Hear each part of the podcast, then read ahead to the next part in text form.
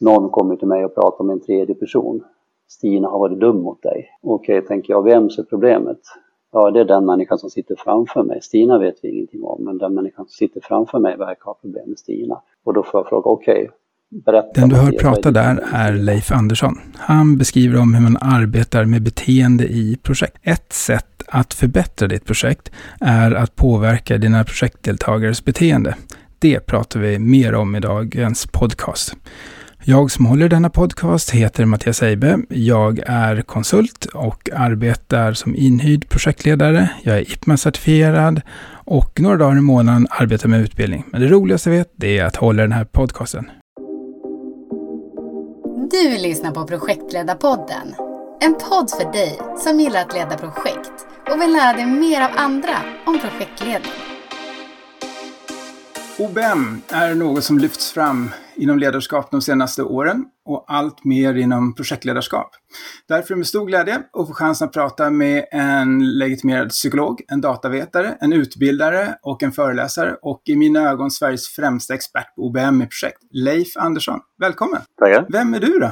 Ja, Dalmas, arbetargrabb från en liten bruksort, jobbat, ja, kommit in i Först läste jag data, jobbade i databranschen med, med som projektledare bland annat, sålde projektledningsprogram. Sen blev jag mer insatt i ledarskap, alltså vad som händer i, i grupper sådär. Och så då läste jag psykologutbildningen för att jobba med ledarskap. Jobba med det där som inte får lära sig i småskolan. Hur jobbar man med andra människor? Så det är lite kort. Det tycker jag är ganska intressant faktiskt, som en liten vinkel. Att jag gick in och kollade här för ett halvår sedan. Vi lägger någonstans tre, fyra timmar i veckan under nio år på att lära oss matte och svenska och sånt där. Och vi lägger noll timmar under samma tid på att lära oss någonting om att jobba med andra människor. Och hur tänker du dig att vi borde, hur borde det se ut då? Alltså man kan ju jämföra med att det är klart att du lär dig räkna och att du lär dig svenska genom att prata och umgås med människor men du lär dig ju inte riktig svenska så att säga. Så att hade vi ägnat någon timme i veckan under de här nio åren och att lära oss hur man samverkar med andra människor så hade vi troligtvis eller ja, förhoppningsvis var det mycket bättre på det. Och vad skulle du vilja lära ut då? Det finns, om man tittar på ledarskap så finns det väldigt mycket man skulle kunna leda ut, eller samverkan mm. som du säger. Alltså det är min senaste bok som kom här i den här tiden förra året som heter De sociala superkrafterna. Den är ju ett försök att lära ut det här som, som vi inte lär oss. Det är, det är inte rocket science, men eftersom vi aldrig har lärt oss det så har vi, har vi liksom ingen vi känner inte till det. Vi är omedvetet inkompetenta. Vi, när vi jobbar med andra människor eller när vi uppfostrar våra barn och vad det är för någonting så, så sitter vi där och har en massa idéer men det finns faktiskt kunskap om vad som funkar. Sådana enkla saker som perspektivtagande, att alltid försöka för, att förstå att andra människor kan inte läsa dina tankar. Att du måste försöka att alla människor gör så gott de kan. Jag påstår att alla människors beteende är logiskt i alla situationer. Sen att vi har olika logik och att vi har olika verkligheter som vi lever i, att vi lever i olika miljöer. Det finns ju något sånt där, lär finnas något indianskt ordspråk att du ska inte döma en annan, människa innan du har gått minst fem mil i dennes mockasiner.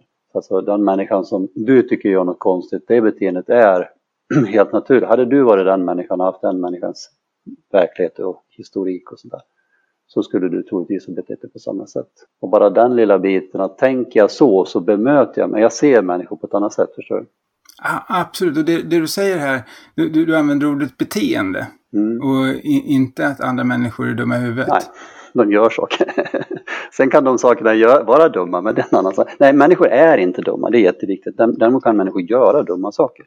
Och det här kan man ju se då, och tänker man sig då i, i skolan och, och lära sig de här sakerna och kunna gå igenom det här så vore det ju otroligt bra. Alltså, jag tror att man skulle kunna vinna så otroligt mycket och, och det skriver du också om i din bok, hur mycket man kan vinna på att lära sig de här bitarna och acceptera hur det ser ut. Frågan är då, hur skulle man göra det? Alltså hur, hur, hur får vi till det? Hur får vi till det? alltså barn är ju väldigt, barn är väldigt receptiva så att jag tror man skulle man ska enklare, det finns ju, det finns program. Jag vet en kollega, Magnus Johansson, håller på med någonting som heter PAX, PAX, PAX i skolan som, som har fått, de har gjort några piloter som har fått väldigt bra vad resultat. Framförallt har lärarnas stress minskat och det är ju, det är ju viktigt i skolan för att om lärarnas stress minskar så orkar de med, med mer och orkar. Och eleverna, i lågstadiet och som det här rörde om jag minns rätt, de, de bad om att få jobba med det här. Och det handlar om små enkla övningar om hur man förhåller sig till varandra och kanske det man pratar med varandra. Alltså det, det, igen, det är inte rocket science men tar man det i sakta takt och under lång period. Jag tycker, jag tycker den här liknelsen med svenska och matte är intressant för att tänk om du aldrig hade lärt dig matte och så helt plötsligt så får du då, ja du blir projektledare, du blir chef och så skickas du på en ledarskapsutbildning men du skickas istället på en matteutbildning. Då tror jag att det skulle vara ganska svårt att lära dig räkna på ett schysst sätt på en två eller tre dagars kurs som det ofta är i, i vuxenutbildning. För det, det är svårt alltså, det, det där glömmer vi bort hur svårt det var med multiplikationstabellen och ekvationer och sånt där. Så, att, så att det är lite Jag brukar säga det är tråkigt att jag ska behöva stå som, eller som vuxen leva på att lära vuxna människor saker de borde ha lärt sig i småskolan. Men efter den här podden så kommer vi inte längre vara omedvetet inkompetenta utan då kommer vi istället vara omedvetet kompetenta. Så vi har nått ända bort, eller? Nej, tyvärr. tyvärr så är väl det enda du och jag kan göra på en kort tid, det är väl att göra folk medvetet inkompetenta. Men eh, det är inte fel och det är väl det som händer, det säger jag till mina kursdeltagare också, att bli inte ledsen nu när du kommer hem efter de här kursdagarna och känner att du gör fel. Eh, för det lät så att då blir man besviken på sig själv, utan var istället glad över att nu fattar du i alla fall att du gjorde fel. Och då kan man hitta någonting och komma vidare. Och du nämnde ordet OBM där. Och KBT är ett annat sånt där ord som börjar bli vedertaget. Folk vill förknippa det med eh, att man ska göra sig av med spindelfobi och liknande. Ska man kunna säga att OBM är KBT för ledare? Ja, på ett sätt. Alltså det bygger på samma psykologiska grund, alltså beteendeteori och beteende. Det har samma, samma bas i, i vetenskapen. Och det är ju en, en bas som är väldigt solid. Alltså den har ja, den utvecklades någon gång i, kan man säga, nästan i början på förra seklet, början på 1900-talet och sen har det forskats om den sedan dess. Och det, ja, den håller, den funkar. Det verkar vara så människor. Jag brukar likna det lite med evolutionsläran inom, inom biologin, att de flesta är överens om att naturen utvecklas med hjälp av evolution och de flesta är överens om att beteenden styrs enligt det här beteendeanalytiska synsättet, så att säga. Så det är den teorin. Så det är samma grundtänk. Sen tillämpar man det på ett annat sätt inom OBM för där jobbar man med, med organisationer och inte med människor som man kan sitta ner och ha terapi med. I KBT jobbar man mycket närmare med individen. På en arbetsplats är det flera människor och sådär. Och vad betyder OBM då och, vad skulle det betyda på svenska? Organizational Behavior Management är begreppet och det står för tillämpning av beteende, beteende, behavior management, alltså hur man påverkar beteende och dess tillämpning i organisation. Och om man tänker på det så, så kan man säga att det handlar om att komma överens med människor och eller samverka. Eh, går det att komma överens med alla människor? Svår fråga. på jobbet, alltså på ett sätt skulle jag kunna säga att på jobbet ja.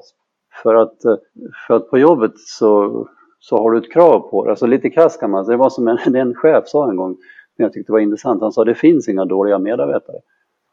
Jaha, så hur då? Nej, alla medarbetare är bra medarbetare och är de inte det så ska de inte vara medarbetare. Och, alltså det kan låta lite hårt men om ni inte är överens på jobbet så kanske en utav er inte ska vara på jobbet. För att på jobbet, på jobbet är det enklare, jobbet har ett syfte, jobbet har ett mål, jobbet har en uppgift att utföra, jobbet har en chef som bestämmer.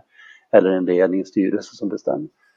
Och har de sagt att så här ska vi göra, har styrelsen på IKEA sagt att vi ska tillverka möbler och så vill någon börja tillverka bilar, då kan det bli en konflikt i arbetsgruppen, absolut. Men då är det mycket lättare för då kan man säga att du, du och jag kommer inte överens, vi ska inte tillverka bilar, så sorry, du, du har ingenting här att göra, sök dig till ett bilföretag. Så att på det viset är det enklare på jobbet, då kan, man, då kan alla vara överens. Sen behövs en, jag tycker egentligen det är bättre att prata om att kan alla jobba tillsammans? För vi behöver inte vara överens, men vi kan ändå utföra jobbet tillsammans. Det är intressant det du säger om att i en organisation så kanske inte alla passar in vid alla tillfällen. Och det jag kan se när jag är ute i organisationer det är att det här vågar man kanske inte alltid ta tag i. Utan man låter personer fortsätta samverka tillsammans även fast det inte fungerar. Ja. Och så länge, alltså, det är ändå två saker, att om det, om det fungerar på grund av att den, någon person inte är med på det syfte och de mål vi har med vår verksamhet, då får ju den personen fundera, alltså, vad gör du här då lite krasst? Alltså, det verkar inte, du, du har all rätt i världen att påverka och tycka vad du vill, absolut, men nu har ledningen bestämt någonting annat och då får du förhålla dig till det. Ska du vara kvar och jobba enligt det och det får du gärna göra, så du får vara kvar. Jag tycker att du är en bra medarbetare, du får gärna vara kvar och tycka någonting annorlunda, men du får inte bete dig på det sättet. Här har du betalt för att vara på ett visst sätt och det, det, det är liksom din arbetsuppgift. De här orden är ju så lätta att lära sig och förstå att det här borde det vara, men när du kommer ut i verkligheten, ser det ut så? Är man så tydlig och klar? Det är väl som du var inne på, tyvärr så är man lite, lite feg där ibland. Jag, jag tycker man, jag tror igen, men det, det, är min tolkning, jag tror att det beror på att man inte har verktygen. Igen, hade man lärt sig under hela, hela grundskolan att hur ska jag bemöta, hur ska jag ta en människa i en sån här situation när vi tycker olika, då hade man inte varit rädd för att ta det. Men nu har man inga bra färdigheter och så har man försökt någon gång och så har det blivit jobbigt för att personen har blivit arg eller ja, ledsen eller vad det nu har hänt för någonting och så tycker man det här gick inget bra och så drar man för, sig för det Eh, och avvaktar lite och tänker att vi löser det på ett annat sätt. Och sen till slut så blir det ändå, hettar till lite, jag måste ta tag i det här. Och då har ju sannolikheten, tror jag, inte ökat för att jag gör det bra. För att jag, nu gör jag det när jag är liksom, jag känner att nu är jag så irriterad så nu måste jag göra. Och så blir det fel igen. Och så bär vi på en inlärningshistoria av att ta sådana här samtal med människor är jobbigt och det är ingen som har lärt mig färdigheten, jag har inte fått träna på det här. Då, då är det klart att då, då drar man sig för det. Och sen, ja, sen funkar det kanske ändå. Liksom. Det händer inte så ofta här.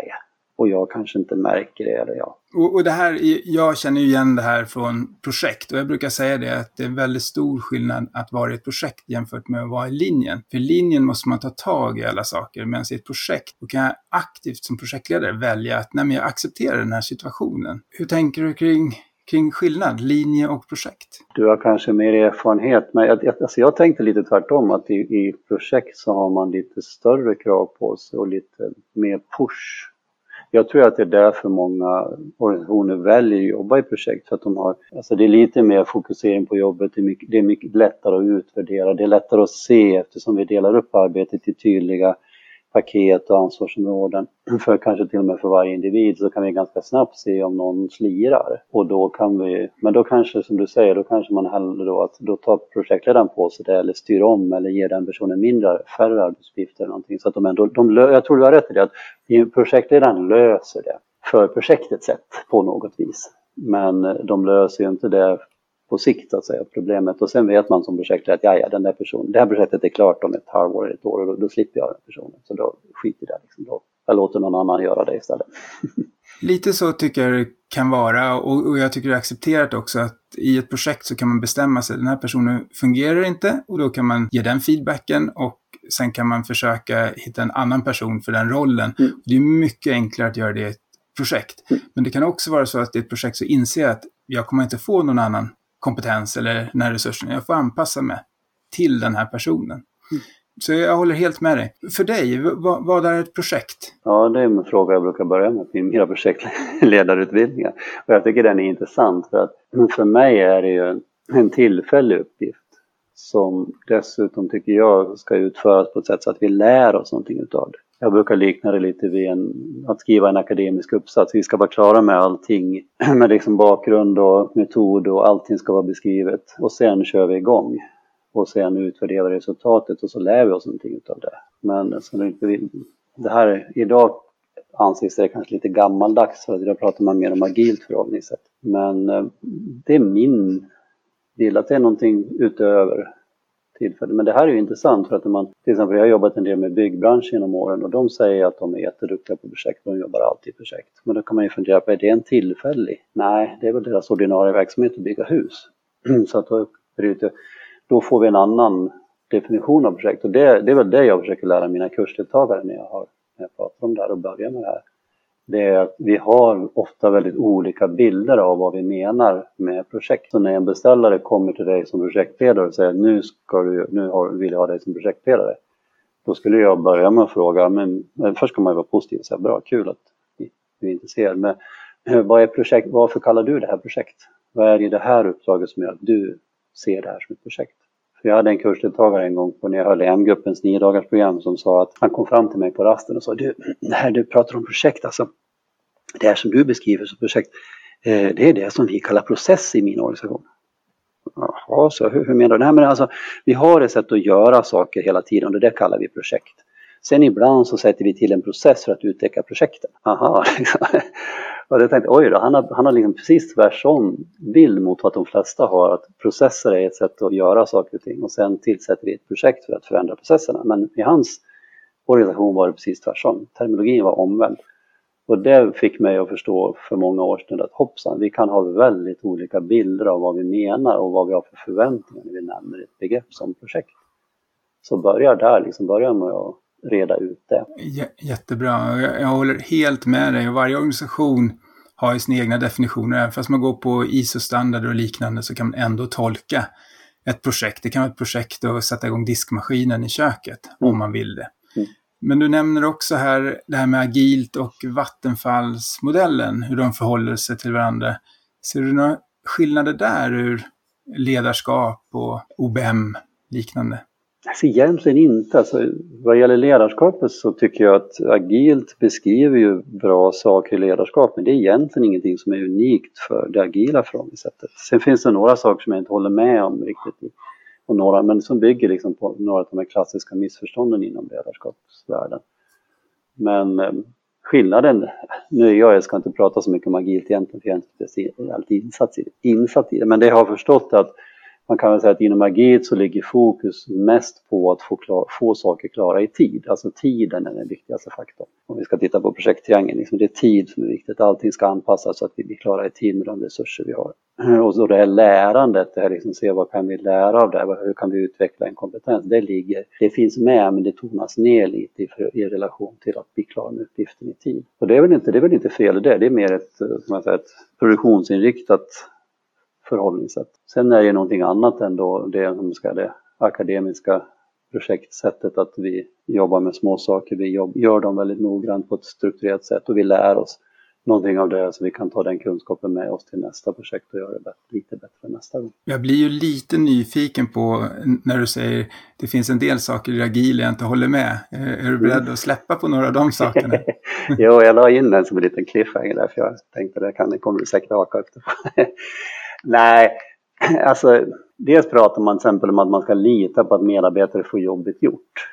Nej, det tycker jag inte, utan man ska ju följa upp. Man, ska ju, alltså, det, man, gör, man följer egentligen upp, men jag tycker det här är lite det här som inom ledarskap idag så pratar man mycket om tillit och man pratar om att man ska inte kontrollera människor och sånt där. Men det där är ju, tycker jag, missuppfattningar över hur människor funkar. Kontroll är ett jättebra ord till exempel, för kontroll upplevs ofta som negativt.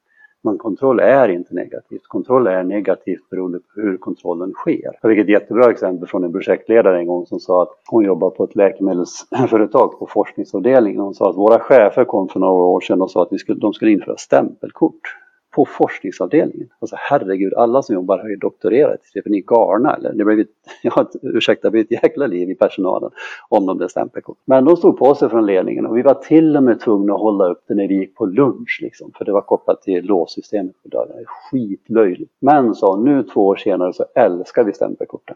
För att det är det enda ledningen har använt det till, det är att kolla att vi inte jobbar för mycket. Och vi, vi uppmanas själva att gå in och kolla ibland, då har vi för mycket arbetstid, då, då ska vi gå till chefen och säga till. Och ibland kom, går in cheferna in och kollar själva och kommer och säger du, jag tycker du har gjort, jobbat för mycket en månad, jag tycker du ska gå hem på fredag eller någonting sånt där. Så att vi älskar det här. Så att igen, förstår man, och det här är tillbaka till OBM, förstår man beteendeanalysen, förstår man hur människors beteende funkar och vad konsekvenser är, så förstår man att kontroll som sker med hjälp av bekräftelse, alltså som, koll, som ger mig uppskattning när jag har gjort någonting bra, den kontrollen kommer upplevas som positiv. Däremot det man reagerar mot när man säger att man inte ska, att man ska lita på att folk ska få det gjort och inte inte kontrollera dem. Det är den negativa kontroll. Där man går in och bara ger folk smäll på fingrarna varje, när de har gjort fel. Det är det enda man använder kontroll. Det är ju en typ av bekräftelse att bli sedd i det du beskriver. Och du är inne på det här med beteendeanalys och och den biten. Skulle du utveckla det lite grann, hur du tänker där? Alltså beteendeanalysen tycker jag visar oss väldigt tydligt att beteende styrs av vår inlärningshistoria. Alltså vi har tidigt i livet, eller ja, någon gång i livet har vi gjort någonting. Allt, allt lärande börjar med att vi gör någonting först, vi provar någonting. Och så får det en konsekvens. Vi provar att stoppa någonting i munnen och smakar det gott då är det en positiv konsekvens. Smakar illa är det en negativ konsekvens. Vi provar och cyklar, jag har varit med på någonting, vi testar olika saker. Och här sker lärandet. Så att i den här situationen, du provar att säga någonting på ett möte och så får du väldigt mycket uppskattning för det. Du har sett och tryckt på det här, du har känt dig lite nervös och provat att säga så här, men du, du vågar prova och så får du mycket uppskattning. Kollegorna nickar och chefen till och med säger bra. Då ökar ju sannolikheten att nästa gång du sitter i samma kontext, alltså när du sitter med samma människor, så vet du att din hjärna kommer ihåg att det här funkade bra förra gången jag sa det, så då säger du sådana här saker igen. Och har du tur då så får du uppskattningen. Och det här kommer då sakta lär dig du dig hur, vad som funkar. Och det här har ju du gjort hela livet, från små saker när du var liten, vad som smakar, hur man går och ja, you name it. Alltså, det här pågår ju hela tiden. Och, och det här är grunden i beteendeanalysen, liksom, att förstå att anledningen till att vi gör saker som vi gör beror på att vi har testat de här sakerna tidigare. Så vi, har en, vi har en inlärningshistoria av att det här är saker som hjälper mig. Och de kan hjälpa mig på två sätt. Antingen genom att de hjälper mig att få någonting jag vill ha, någonting positivt, blir effekter av mitt beteende. Eller att jag undviker någonting negativt. Alltså jag slipper undan någonting som brukar vara obehagligt. Jag lär mig att säga så här till projektledaren, då slipper jag få skäll på mötet. och, de här, och det här har jag med mig då. det här, gör, det här påverkar mitt beteende mycket mer än vad vi vill tro själva egentligen. För att vi har den här fria viljan och det är att vi styrs av värderingar och så där. Det, det, funkar, det är inte riktigt så när man tittar på det. Det finns många bra exempel på, på det här.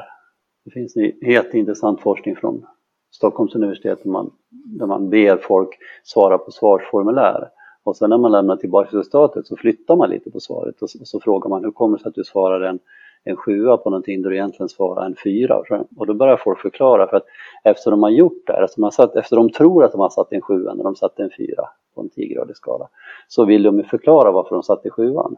Och då är det intressanta är att då förklarar de det, de hittar på en förklaring till varför de satte sjuan. Trots att de egentligen tyckte fyra. Så det här är jättespännande. Och sen när man följer upp de här några månader senare så blir det närmare sjuan nästa gång. Så man har förändrat deras sätt att tänka genom att förändra, genom att lura dem att de har gjort någonting. Och då är du inne på någonting här. Eh, för genom att ge positiv feedback, eller, eller som du också säger, det kanske också även negativ feedback, så kan man förändra någons beteende.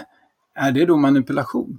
Ja, men det är man. Ledarskap är manipulation. Jag tycker det, är bättre att vara ärlig med det. Så sen, sen får vi igen, nu har vi ett ord igen. Vi hade projekt som ett ord tidigare, nu har vi manipulation som ett ord. Vi har pratat om kontroll som ord. Eh, manipulation det är också ett ord bara. Manipulation kan ju vara någonting, när jag manipulerar människor att köra mer trafiksäkert så kanske inte det är manipulation. Vi skulle inte uppleva det så. Fast det är faktiskt en form av manipulation. Den viktiga skillnaden tycker jag som man ska, det är att när, om jag, jag kan ju med hjälp av försäkring på olika sätt få det att börja göra. Alltså de här forskarna kunde ju få de här människorna att börja tänka kanske på ett annat sätt och det kan vi kalla manipulation. Och det var det för att de var inte med på det. Och det här tycker jag är viktigt. Det här är också viktigt för oss som jobbar med OBM och beteendeanalys att ska jag få en förändring i en arbetsgrupp så ska jag alltid se till att jag, jag, det är människorna i arbetsgruppen som ska ge förslaget på förändringen eller de ska vara med på förslaget. Sen måste jag manipulera dem ändå, förstår du? Alltså, så det är så Mekanismerna är de samma. Det är mer, jag har gjort mitt medgivande. Det är väl det som är skillnaden från negativ och positiv manipulation.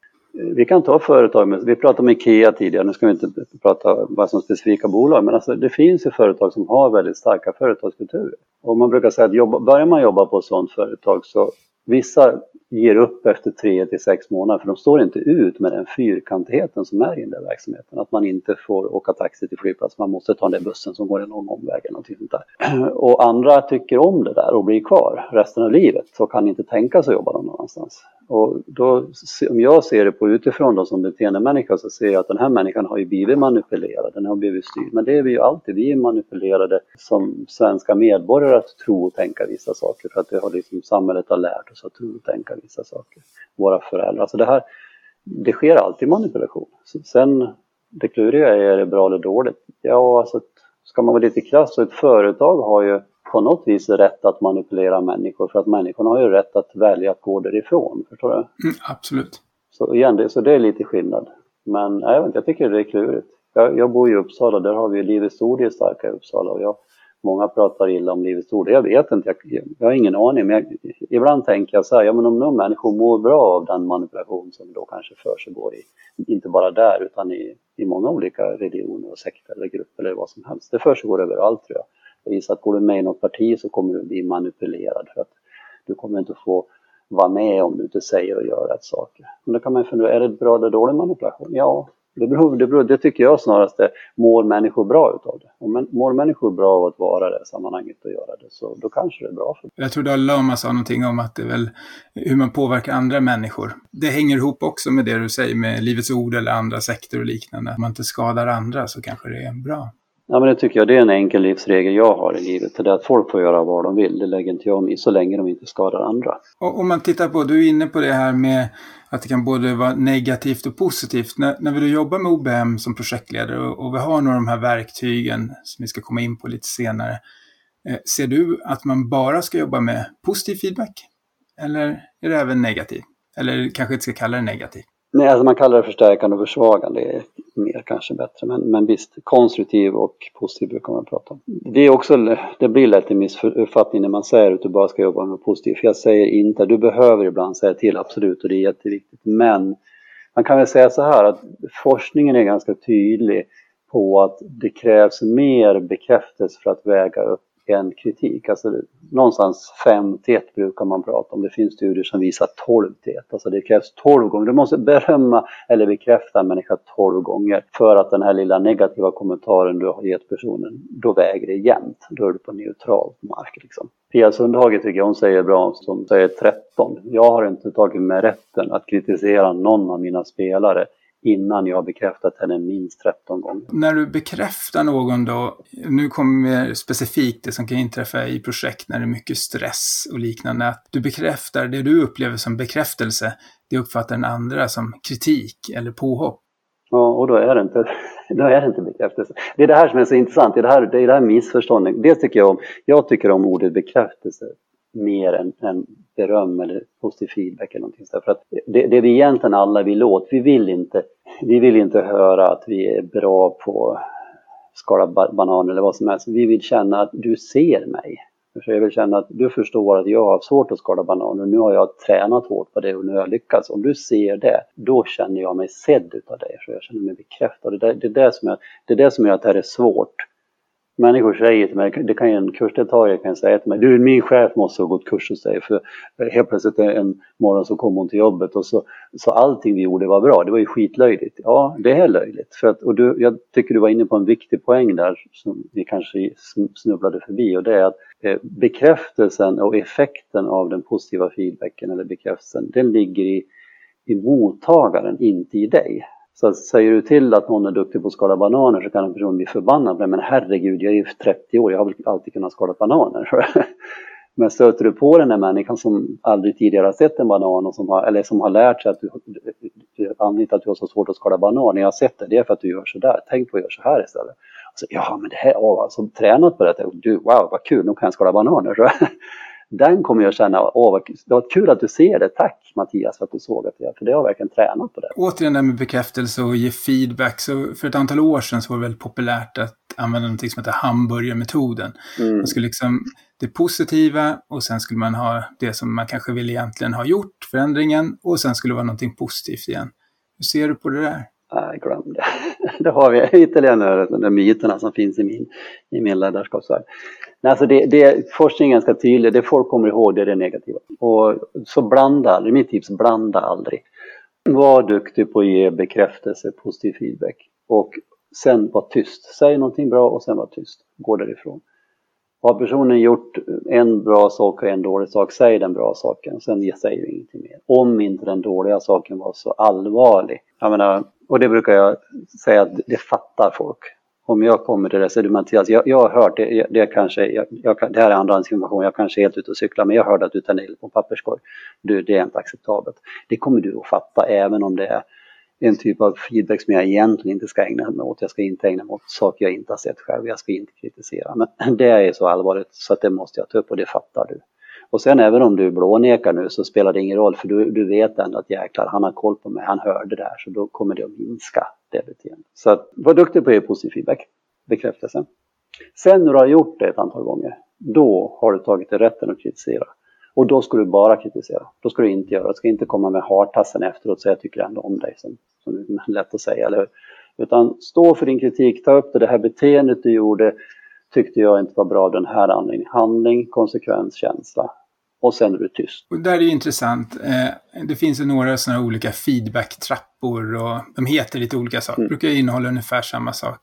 Du hade en där som du nämnde. Skulle du vilja ge ett exempel på hur man, hur man hanterar den, som du nämnde? Så handling, konsekvens, känsla tycker jag. Så vilket beteende, vad var det du gjorde? Du, när du ställer, när du inte ställer in skorna i hallen när, när du kommer hem så blir det så mycket skor i hallen så att när jag kommer in så får jag svårt att sätta ner fötterna. Jag höll på att snubbla och slå mig. Alltså det är konsekvensen beskriver jag då för mig. Och sen beskriver jag känslan för att sätta lite, lite ribba liksom hur, hur dum tyckte jag du var? Då kan jag säga nu det gjorde mig skitförbannad eller det gjorde mig lite besviken på att du gjorde så. Eller likadant positivt, så tack för att du tar undan kaffekoppen.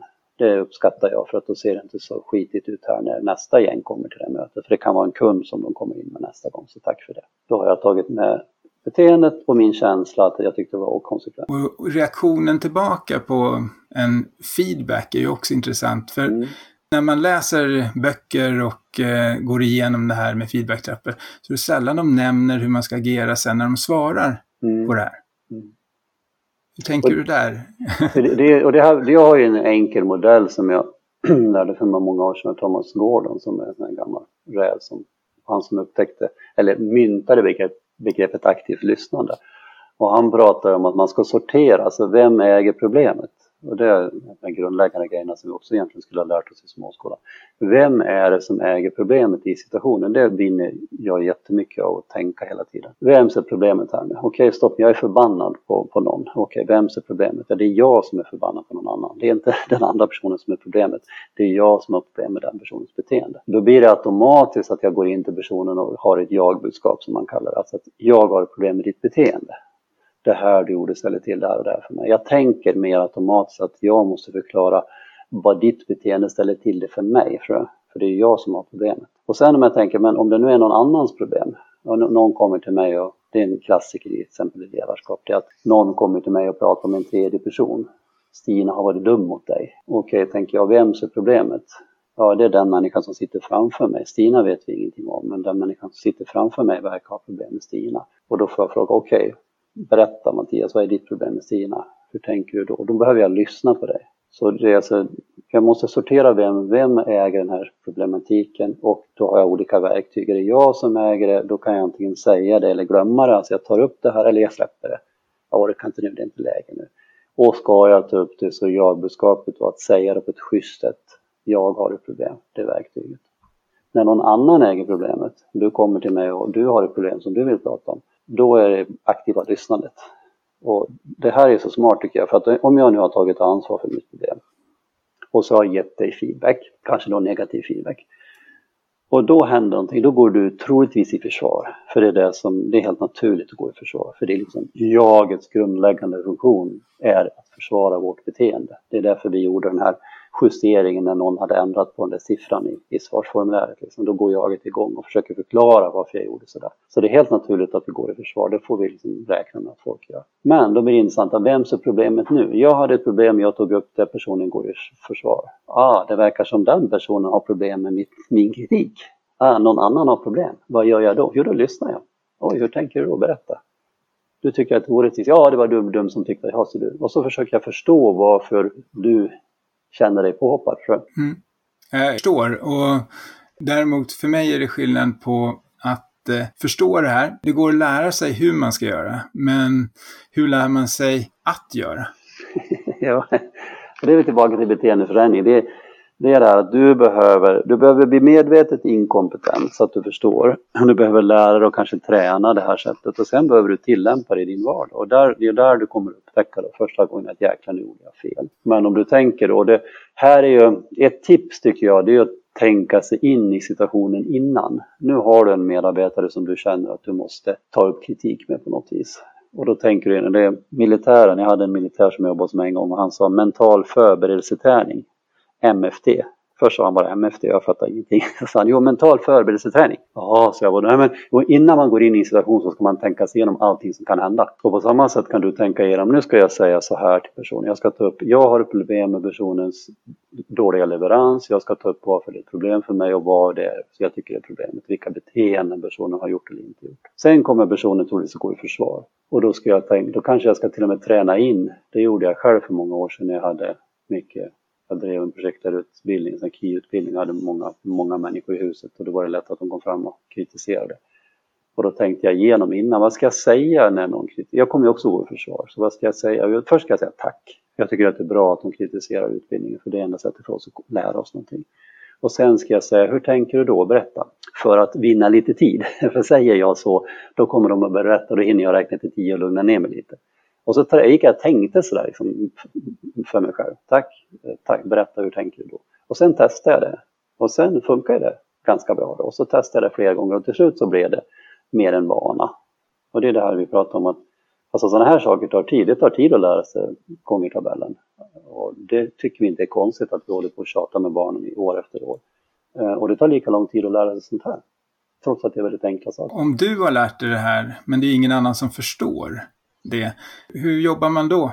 Alltså du kan ju bara agera som, alltså du kan ju bara ändra ditt beteende. Sen om andra ändrar sitt beteende eller inte, ja det kan inte du göra så mycket åt. Men jag tror ju att om du gör det här så kommer du bli en förebild. De kommer kanske att titta på det och märka att ja men så där gjorde han.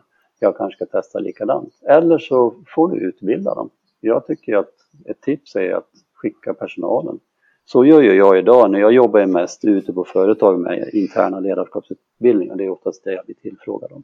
Och idag, eller idag sen ja, 5-10 år tillbaka så har jag då i de situationerna alltid börjat föreslagit att ska vi inte utbilda personalen också? För att annars kommer jag utbilda era chefer i olika förhållningssätt som är bra men de kommer att möta personal som inte förstår det här. Så att om jag får, jag brukar säga det räcker med en halv dag kanske så kan jag ge personalen grunderna bara. Och sen om cheferna har fått mer så kan de tillsammans liksom snacka om det här och lära sig det här tillsammans, att jobba med att lära sig det här tillsammans. Jättebra. Jag, jag tror att jag har sett det allt för många gånger, precis det du säger, att det är en av grupperna som får lära sig. Antingen är det all personal som får lära sig någonting, men inte cheferna och tvärtom. Man måste nog ta helhet på det. Mm. Och du var inne på det här lite grann med vems, vem äger problemet. I projekt så hamnar man ofta i vems ansvar är det att hantera konflikter. Och en del verkar tro att det är projektledaren som ska hantera alla konflikter. Hur tänker du här? Jo, alltså tänker vi konflikter mellan projektmedarbetare, ja. är, precis, då är det ju helt rätt som du är inne på. Det kanske det kanske är det vanligaste felet som ledare gör, att de tar apan som det heter. Alltså medarbetaren kommer och har en apa på axeln. Det är en sån här klassisk story. Och kommer in till projektledaren och säger du, jag har ett problem. Och så pratar de om den där apan och då säger de flesta projektledare att ja, jag ska kolla på den, så lämna den här liksom. Så tar de apan och sätter den på en hylla. Och det här är också intressant om vi tittar på det ändå beteendeanalytiskt. Varför beter sig projektledaren redan så för? Jo, för att nu går ju medarbetaren, så problemet, det akuta problemet här och nu löser sig. För att jag kan sätta undan den där saken och så kan jag fortsätta med det jag höll på med. Så att beteendet är kortsiktigt positivt för mig. Jag blev av med en person för jag lovade att lösa dens problem och jag kan fortsätta med det jag håller på med för jag kan sätta det här på hold. Sen är ju problemet på eftermiddagen när man ser medarbetarna gå hem lätta om axlarna så har ju projektledaren massor med apor på sitt rum. Det är ett litet zoo där. Och det här känner de nästan, det här skrattar nästan alla när man tar upp det, för det känner alla igen. Så ja, de märker, ja, jag, är, jag är storskötare, liksom, jag är apskötare. Och du är inne på någonting där med det här med kortsiktigt och långsiktigt. Mm. Mm. Beskriv lite mer där. Ja, det, är det är nästa steg när vi pratar om beteendeanalysen, att du lär dig av dina konsekvenser. Men sen krävs det ju vissa variabler, så att säga, vissa typer av konsekvenser är starkare än andra typer av konsekvenser. Och då krävs, det brukar man prata om TÖS, eller picknick eller beroende på vilket språk och vilken förkortning man använder. Alltså TÖS är tajmingen. Konsekvenser som kommer, kommer väldigt nära beteendet har större effekt. Om du lägger handen på en platta och bränner dig så lär du dig väldigt snabbt. Det räcker kanske med en gång så är du väldigt försiktig vid spisen nästa gång. Däremot om du går ut och sätter dig i solen på, på våren och så bränner du dig, då åker du söderut på vintern den brännskadan är lätt att du råkar ut för igen. För att det tar, det tar lite längre tid från att du sitter i solen till att du, du blir, känner smärtan. Det kan ta flera timmar. Du kan till och med komma först på natten eller dagen efter. Skulle solen värma lika effektivt som en, som en brännplatta och det skulle smörja, funka och smörja in sig, då skulle du smörja, lära dig att smörja in det direkt. Liksom. Så tajmingen är jätteviktig.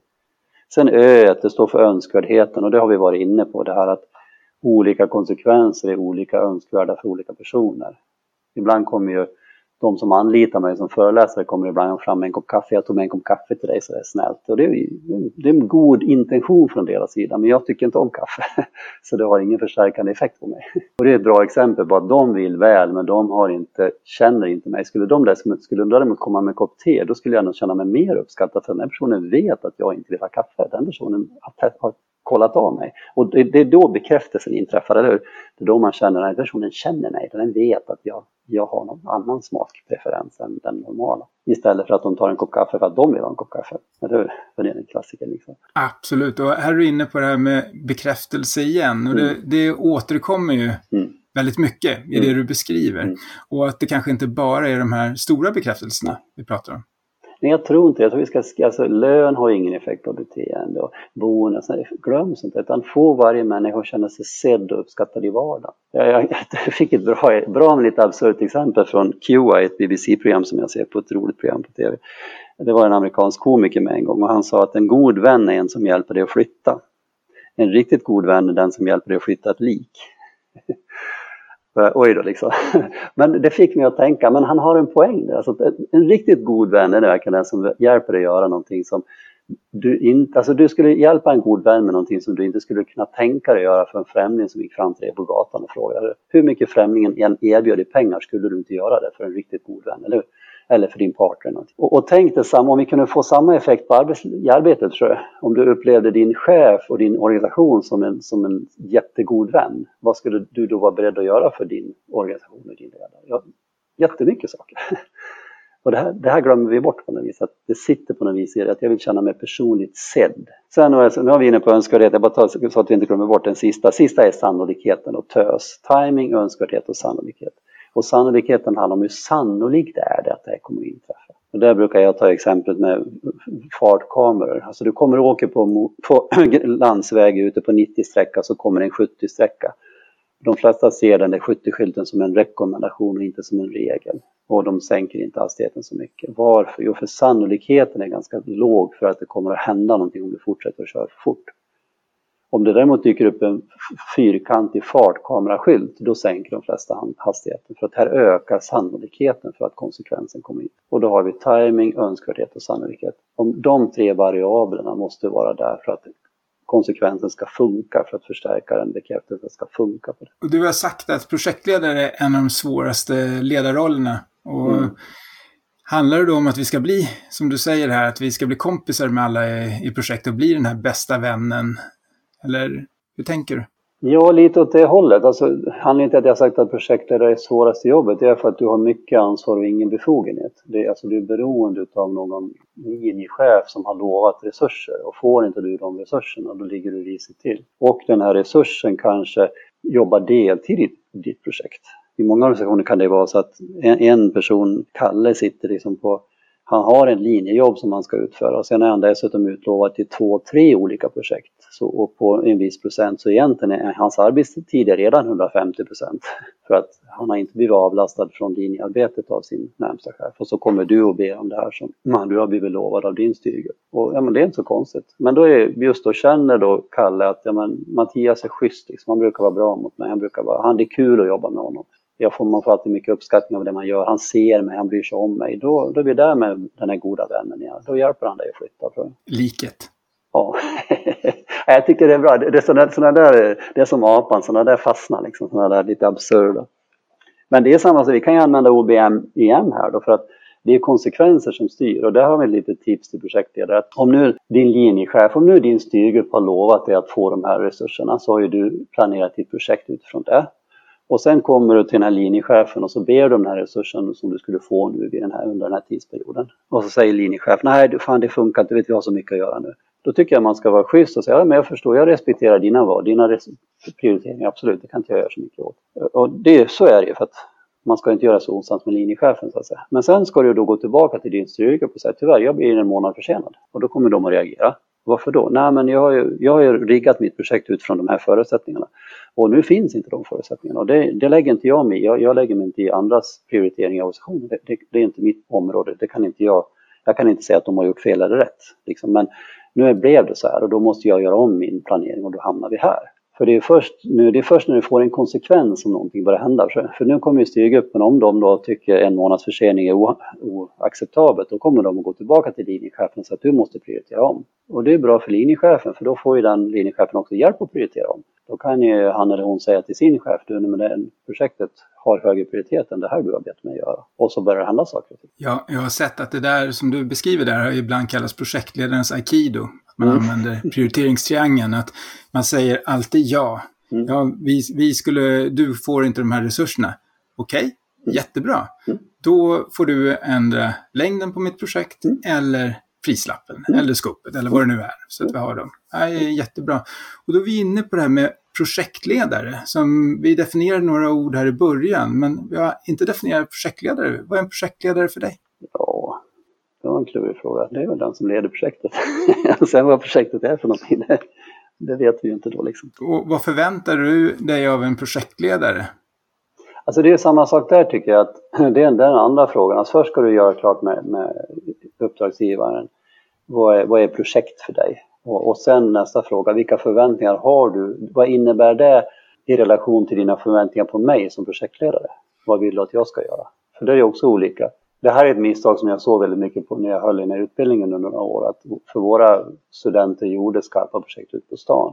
Och de, det de missade ofta det var att de trodde att den som beställde deras uppdrag var, kunde någonting om projekt. Och så är det sällan och så är det sällan i organisationer heller utan de chefer som sitter och beställer vill ha någonting utfört, de vill ha någonting utfört och de bryr sig egentligen inte så mycket om hur det blir utfört utan det tycker de, det är ditt jobb som projektledare, det är du som kan projekt. Det är du som ska hjälpa mig vad du behöver. Så att många projektledare gör misstaget att de litar liksom på beställarens kompetens, att beställaren förstår när beställarens beslut ställer till det för dem. Men det måste man vara tydlig med. Nej, men så ut, alltså nu lite, kan låta lite krasst men jag tror att du kommer, du kommer längre om du utgår från att beställaren förstår inte vad projekt är för någonting. Utan mitt jobb, det, det, är, det, som, det är därför en person har anlitat mig. För att hen kan inte det här med liksom. Så det är mitt jobb att se till att jag får de förutsättningar och allt sånt där som jag behöver. Och att vi skapar rätt förväntningar oss emellan. Du nämner ett ord där som jag tycker är väldigt viktigt och det är tydlighet. Och jag vet att du har gjort många projektutvärderingar. Mm. Och då ser du antagligen ett antal misstag. Jag gissar att tydlighet kan vara ett sådant misstag. Men vilka är de vanligaste misstagen du ser och vad har du för tips för att undvika dem? Igen kommer vi in lite på skillnaden mellan vattenfallsmodellen kanske och agilt. Det vanligaste misstaget man gör är att man gör förändringar längs vägen i, i den typen av projekt som ska vara utvärderande. Så otydliga projektmål, otydliga effektmål. Eh, ja. Då kom vi in på det där med ty tydligheten. Mm. Och det är mycket av det man kanske gör i början på, på ett projekt. Mm. Om du hade ditt ideala projekt där du är mentor eller där du hjälper någon, vad rekommenderar du ur ett OBM-perspektiv att man gör i början på ett projekt? Alltså, I början dels så brukar jag rekommendera och har gjort faktiskt framgångsrikt flera gånger. Det är några projektledare som har använt mig flera gånger när man har startat projekt. Och det är att man börjar med att ta in både projektgrupp och styrgrupp under ett, ett antal dagar man tar gärna en lunch till lunch eller någonting så att de får umgås lite på kvällarna och lära känna varandra lite också. Och sen pratar man om de här frågorna, man går igenom vad är projekt? Man, man kör helt, helt enkelt en liten utbildning i de här sakerna som vi har pratat om. Både med vad är projekt och syfte och förväntningar och projektledarens roll och medarbetarnas roll. Och så kör man sådana här grundläggande, ja, vems är problemet, vad är problemet, grundläggande färdigheter. Du brukar ja, sätta av en, en till två, tre dagar lite beroende på hur mycket man hur mycket hur djupt man vill gå så att säga. Men man kommer ganska långt från till exempel från en lunch till lunch eller någonting så. Att våga göra det, att våga ha is i magen och göra det, det Eh, har jag upplevt betyder väldigt mycket. Och sen under den där processen ska man också se till att man skapar gemensamma spelregler, både med styrgruppen och med projektgruppen. Alltså hur, vad, ska vad, vad är okej? Okay? Och där vet jag, det var jag med på ett ganska stort projekt där det var folk från, ja det var människor från olika myndigheter och sådana inblandade. Det var ett, ett, ganska omfattande projekt som blev en ganska stor lagförändring senare i, i den här branschen. Och där visade det sig att när vi körde en sån här process med vad jag brukar kalla enkel best case och worst case. Först får de prata om, eller egentligen worst case, best case. Först får de prata om ni som har varit med i många olika projekt, sitta i styrgrupper eller i projektgrupper, vad är garanterat misslyckande faktorer? Hur är man i projekt som går åt skogen? Så fick de sitta och snacka i grupper om denna minuter, så, så listar vi sånt. Och sen vänder vi på det. Okej, okay, hur ska det vara i ett bra projekt? Och hur är man mot varandra där? Hur beter man sig där? Och så listar vi. Och sen får de ta fram lista, sen ta fram en, helt enkelt en, ett regelverk. Så här ska vi vara för att det här ska funka bra.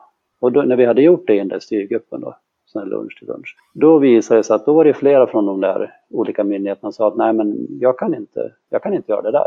Jag är liksom chefsjurist här på den här myndigheten och jag har inte fått någon tid från min chef att läsa de där rapporterna som vi ska läsa innan vi kommer till styrgruppsmötena. Så det tyvärr, det kommer inte jag till med. Så då, fick, då fick de tillsammans justera förväntningarna. Och de gick med på att projektledaren fick en administratör som skulle kunna hjälpa till med sånt som styrgruppen då inte skulle kunna hjälpa till med. Så sådana saker tycker jag, att verkligen våga, våga grunda och våga grunda på, ska vi säga ett mer alltså mänskligt samarbetsplan och inte bara kring fakta och sånt. När man grundar där i början så då, då får man en bra grund att stå mm. på under projektet. Mm. Jag upplever att sen under genomförandet, då har man inte tid med sånt här. Nej. Men vad borde man göra under genomförandet? Ja, det var som en projektledare gjorde då. Hon tog ett bra exempel på det här. Eh, för att hon hade gjort det här spelet tillsammans med sin projektgrupp då första gången de träffades. Det här var ett projekt där det kom människor från hela landet som satt ute och jobbade vid sidan. Som hade inte tid att träffas så ofta. Och sen efter någon månad då när de träffades första gången. Då, bland annat när de hade gjort de där spelreglerna så hade det kommit sådana här saker som det som är bra, eller det som är dåligt med projektet, att folk åker hem tidigt från våra, våra de här träffarna som vi har. Eh, och då ska man stanna hela tiden, man ska läsa på innan och sådär. Och sen råkar hon ut för det här klassiska, att någon vecka innan så börjar folk höra av sig och sa du jag har mycket på jobbet men jag kanske måste ta ett flyg tidigare, det, det, det där går han förväntar bara. Och hon, hon kommenterade inte det, hon sa ja men du, du tar, gör dina val liksom, jag kan inte, du, har, du tar ditt ansvar, du gör dina val. Och sen när de träffades då satte hon upp de här Bradderbrocks och där det stod då, det här var våra spelare vi kom överens om när vi träffades första gången, vad, vad säger ni? Läs igenom de här, tycker ni att de här fortfarande håller? Eller vill ni ändra dem på något vis? Och då blev det direkt liksom, ja nej, nej, de här är bra, de här är viktiga. Ja, jag, jag bokar om mitt flyg, jag åker lite senare, jag stannar hela tiden. Jättebra. Och i slutet då, du har pratat tidigare här, när vi har pratat om hur viktigt det är med lärande. Hur tänker du på dem? Ja, om det nu det, det är, vad är syftet med projektet? Är syftet att ni vill lära er någonting eller syftet att ni vill få ut en produkt? Det är effektmålet som du var inne på. Så vi måste ju skilja på, på det. Alltså vi, agilt, jättebra om ni vill ha ut saker liksom. Men lärandet tror jag kommer att få en liten släng. Och då, samma sak där, att det jag ofta råkar ut för som utvärderare, det är att när de, ringer mig när de har lite tid kvar och nu känner de nu måste vi få in en utvärderare. Och då säger jag, men skicka över de, de dokument och sånt som ni har, planer och sånt där. Och sen får jag ofta höra av mig till dem efter några dagar och säga, du sorry jag kan inte utvärdera det här. Äh, vadå? Nej men ni har inte gjort några förmätningar.